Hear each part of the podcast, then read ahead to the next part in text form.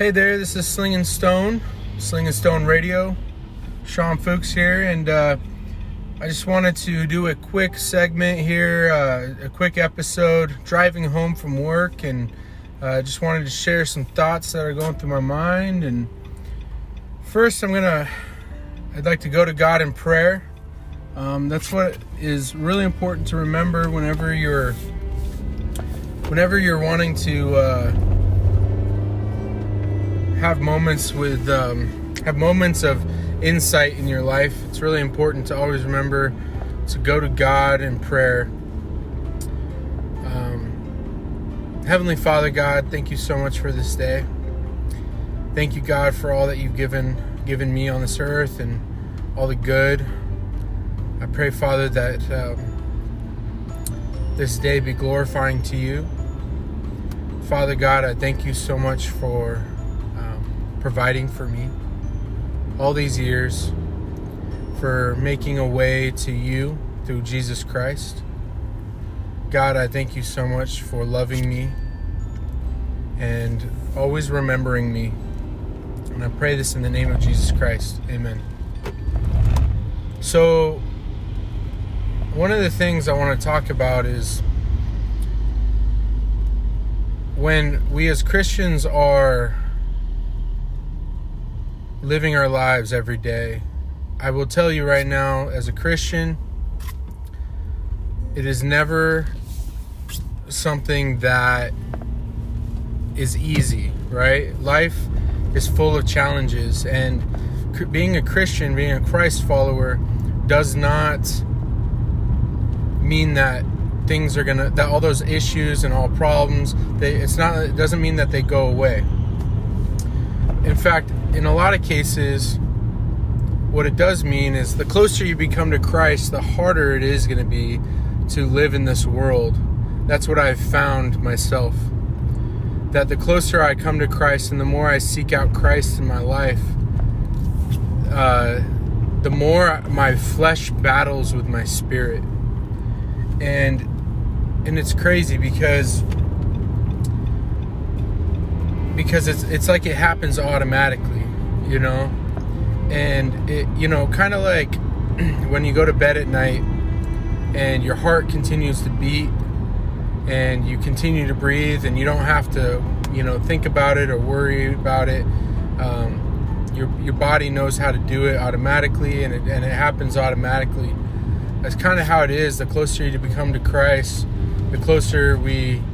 Um, we are to Christ, uh, the more you want Him, and the less, and the, and you and you want less in your life of of sin, and you just don't want anything to do with the darkness that's in this world. And it's very difficult to, under, like, in those moments. Not only is it difficult to stay positive but it is difficult to not allow sins from your past to creep back into your life during these difficult times. And it's a it's all about it's all a part of the growing process of becoming a Christian, and God knows this. Um, but the discouraging issues that happen. Like, I'll just give you an example uh, with me right now. I am currently in a job that I don't enjoy and that has really been discouraging for me. And I don't know if it's because of me or if it's because of the people I'm around or if it's the job itself or if it's the customers that I see every day. Uh, basically, I come into work and I don't enjoy my job at all, and I've and I've be, I've come to a place where I almost feel trapped, and it's a really and I'm sure everybody's gone through something like this before. Um, so, you know, where we feel trapped to know that hey, I, I can't leave this job because if I leave this job, I won't be able to pay the bills that I need to pay, and um, there's really not another option, or, you know, I feel like I'm, you know, becoming a, an issue to those who are around me. Uh, but what I do know to be true is that my God does not change. That Jesus is the same today as he was yesterday and as he will be tomorrow.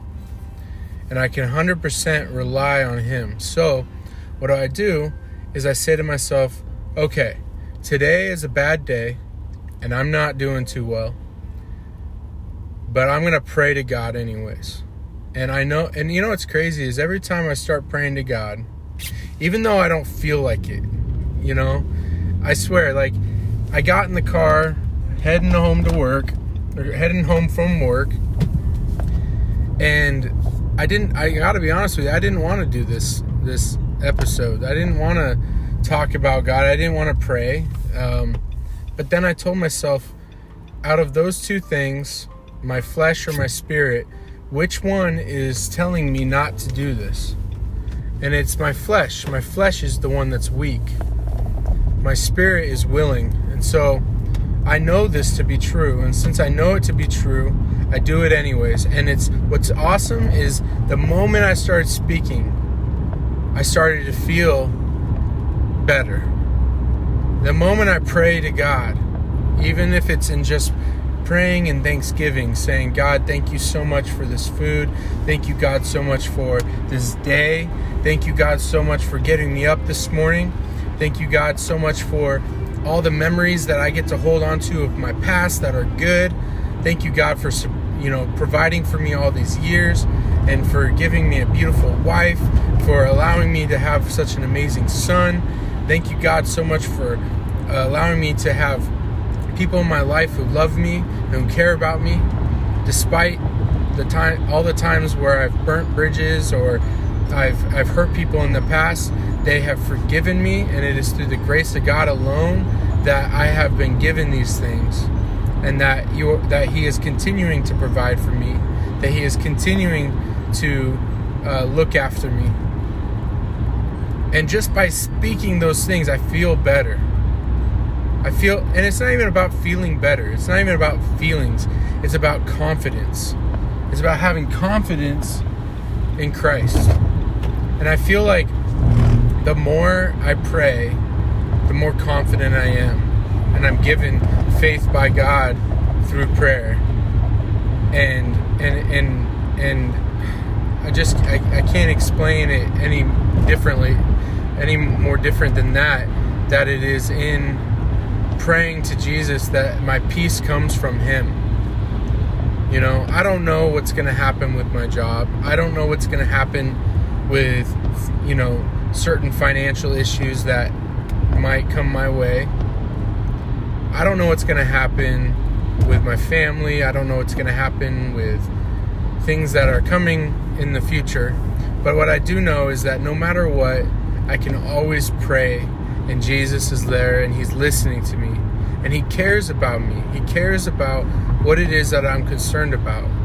Just like a father is concerned about a child, or a mother is concerned about a child, even though we know that the child might be crying about something that's that we know as an adult that they're going to be just fine, but that doesn't change the fact that I care about my child and I care about what they're concerned about, what they're crying about, what they're what they're discouraged about, right?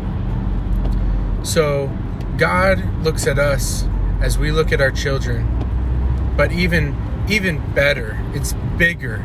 It's perfect, it's holy. And Jesus looks at us and he says, "I love you. I care about you. And I promise you I'll never let you go. And I promise you that whatever it is that you're going through, I will give you peace and you will feel loved. Just keep seeking me out. Keep seeking the whole through the Holy Spirit. Keep praying. And we'll get through this thing together. Right? That is God. That is our relationship with Jesus. You know, and and it's a beautiful thing I don't have any Bible verses in front of me I haven't prepared this at all, but I know what I'm saying to be true, and I know that we could we could scour the Bible and find plenty of verses that talk about God's love for us and that our prayer that our prayers are answered. You know, the, the Bible does say that when we when we ask in the name of Jesus that that it will be done. And I believe that's according to God's will and purpose for our life and you know, I know that God's will for my life is to know Jesus more and to be righteous, to become righteous. And since I know that's true for for his life or for my life, I know that's true for his will for my life. I know that when I ask Jesus to to uh, make me more righteous, to make me more like Christ, that He will deliver. And this is part of the process. Is learning that hey, I'm having a bad day, I'm having a bad time, but I'm still gonna come to Christ. I'm still gonna come to my knees to Christ, and I'm gonna ask Him to get me through the day and to to to fill my heart with the Holy Spirit, to fill my life with purpose, to fill my life with hope and love and the fruits of the Spirit. And to do away, and I ask, I always ask Jesus in the name of, and ask God in the name of Jesus, do away with all the unbelief in my life. I don't want it. I want to believe with all my heart. I don't want the doubt and I know doubt's about all a part. You know, it's all a part of faith, and that we live in this world full of duality. But I want less doubt, and I want more faith. I want less of me, more of Jesus. And I know that if I ask in the name of Jesus, that He will deliver. So that's my uh, that's my talk today uh, as I drive home, and. Um, and hopefully this is encouraging hopefully like i mean just remember we all go through issues you know if you see a christian and it looks like their life is perfect uh, they're either hiding something that you don't know about or um, they aren't telling you everything or or maybe um, you know i do believe that there is a place that you can be in your life where you're full of peace even through the storm so even though you're going through difficult things or there's challenges in front of you, you might not see it in a Christian, but that's not because they don't have problems. It's because they've they've because they have received peace. They have received the peace from Christ at a, at a level that we all seek, you know. And I do believe the more you, you pray and the more you surrender your life to Christ, the more peace you will feel and you will have in your life despite whatever struggle you might be going through. So I would encourage you to pray, to ask Jesus to reveal things into your, reveal the, you know, when I pray, I ask Jesus to to to fill my heart with the Holy Spirit. I ask Jesus to forgive me of the mistakes that I've made and to reveal in my life the unrighteousness in my life. I ask Jesus, Father, reveal to me any unrighteousness in my life. And He will. And then it's my job to obey Him. Right? But I also just you, you know what the Bible says that when we pray to God, it's like it's like it's almost like a fragrance to Him. It's like when you put perfume on and it smells really good, or you put cologne on and and you and you and somebody else smells that cologne and it smells really good. That's what the bible says. It's like a it's like a, a beautiful fragrance when we pray to god. You know i love that description because i've always wondered like why do i need to pray? I've already prayed. Well you know what? I pray to thank god for everything that he's given me. And and i know that it's he enjoys my prayer like a fragrance. I love that. You know, it, it kind of gives me a, a, visual, something to, to, to hold on to while I pray. And so, yeah, I would encourage you to pray to God and thank Him for all that He's given you. And just praying to God, you'll feel that peace that He gives you. And um, yeah, that's pretty much it. That's all I, I really wanted to talk about.